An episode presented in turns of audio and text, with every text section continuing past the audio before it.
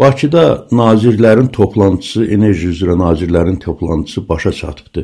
Bu toplantı nə üzə çıxartdı? Hansı problemlər üzə çıxartdı? Ə, əvvəla onu ə, qeyd eləmək istəyirəm ki, 2015-ci ildən mütəmadi olaraq ə, Azərbaycan paytaxtında keçirilən ə, Cənub qaz dəhlizi ilə bağlı ə, bu toplantı bir yubiley toplantısı idi. Yəni 10-cu dəfə keçirilirdi ə, və eyni zamanda ikinci dəfə yaşıl enerjiyə həsr edilmiş nazirlərin toplantısı idi. Ancaq özünün masştabına görə, burada iştirakçılara görə bu ə, ən ə, yüksək ə, belə deyək, ə, toplantı səviyyəsində artıq ə, ə, ortaya çıxdı. Çünki 23 ölkə, 6 beynəlxalq təşkilat və 44 şirkət təmsil olunmuşdu. Ə, əgər biz götürsək ki, ə, 2015-ci ildə bu ona görə yarandı ki, ə, Cənub qaz dəhlizi kimi 3500 kilometrlik bir infrastrukturun ortaya qoyulması və 7 ölkə ə, şirkətlər bunlar arasında məsələləri daha çevik həll etmək üçün yaradılmışdı. Üstündən 10 il keçib biz bu marağın azaldığını deyil, artdığını görürük. Və sual oluna bilər ki, bu nədən doğur? Birincisi ondan ibarətdir ki, Cənub ancaq birinci hissəsi e, istifadəyə verilib, istismar olunur hazırda. O dinamik inkişaf edən bir layihədir və Bakı görüşündə onu e, bir daha qeyd elədilər ki, a, aralıq dövrdə 2025-ci ilin sonuna e, Cənub qaz dəhlizinin 1,2 milyard kubmetr buraxıcılıq gücünün artırılması e, gözlənilir. 2027-ci ilin sonuna o tam e, olaraq e, iki dəfə e, buraxıcılıq gücü artırılacaq. Baxmayaraq ki, e, 2020-ci ildə artıq Cənub qaz dəhlizini e, yəni onun e, hətta Avropa hissəsinə gedən hissəsi e, TAP buraxıcılıq gücü 10 milyard kubmetr idi. Bu gün artıq o e, daxili imkanlar hesabına e, qurğuların səmərəli istifadə etməsi hesabına 11,8 milyard kubmetr qazı ötürməyə ötürməyə nail olub. Növbəti addım artıq ə, Azərbaycanın, yəni bu genişləndirilən zaman ə, Azərbaycan qazının daha yeni bir ölkəyə, ə, hansı ki indiyənəcən o ə, qaz idxalçısı olmayıb, bu Albaniyadır. O ə, Azərbaycandan qaz alacaq. İtaliya baxmayaraq ki onun ə, əvvəlki müqavilə ilə ə, qaz ə, almaq hüququ 8 milyarddır, daha 1 milyard kubmetr bu qazın ə, e, artırılmasını artıq rəsmən təsdiqləyib. Bundan əlavə Serbiyadır, Macarıstandır, ə, e, Slovakiyadır, hansı ki Slovakiyanın nümayəndəsi də bu görüşdə iştirak edirdi. Ə, e, bütün bunlar Azərbaycan qazının ə, ə, yaxın ə, perspektivdə həcmlərinin Avropaya ixracının artırılması deməkdir. İkinci bir tərəfdən ə, Avropa Enerji Komissarı Kadri Simpson ə, mətbuat üçün açıqlamasında ə, belə bir ə, fikir də səsləndirdi ki, ə,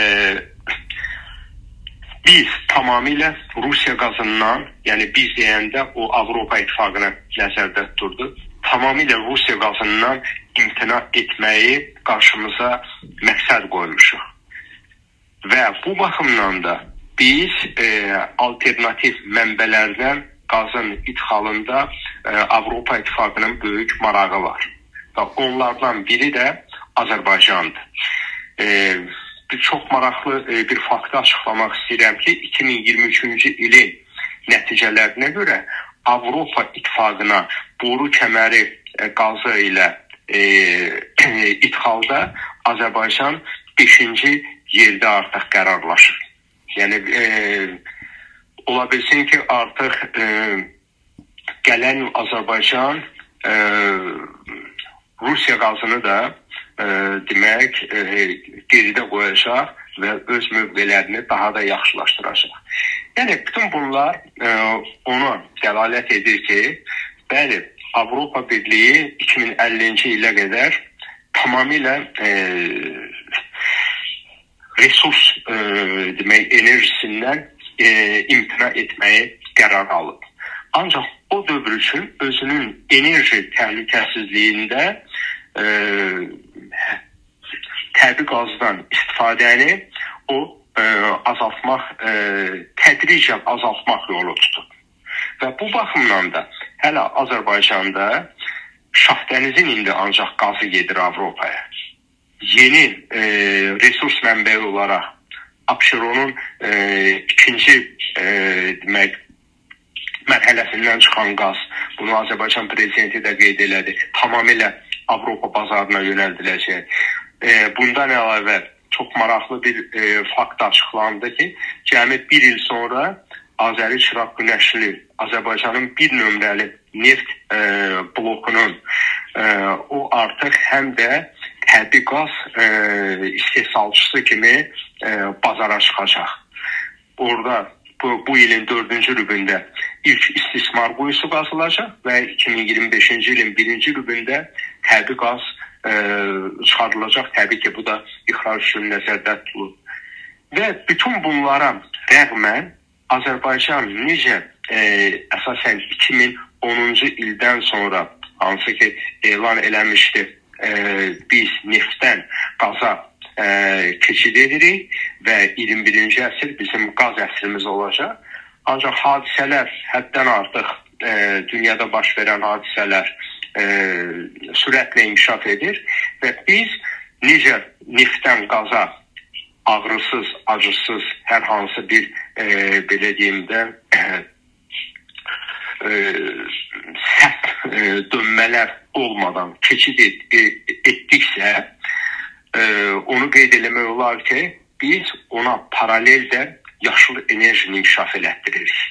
Və bu baxımdan Avropa ilə 3-cü enerji dəhlizimizin açılmasına hazırlıq görülür və e, elə e, dünənki e, görüşdə də e, bu Qara dənizin dibi ilə keçərək e, Avropaya e, uzanacaq e, magistral elektrik xəttinin e, keçdiyi və keçəcəyi daha doğrusu e, ölkələrin enerji nazirlərinin 6-cı toplantısı oldu və çox yaxşı haldır ki, ə, artıq Xəzərin o tayından Qazaxıstan və Özbəkistan da bax bu görüşlərdə aktiv iştirak etdilər.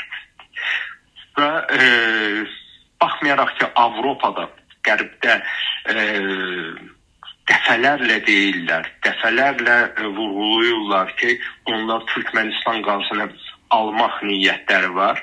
Biz görürük ki, Türkmənistan dünənki e, toplantıya qatılmadı əvəzində ortaya çıxır Özbəkistan və Qazaxıstan.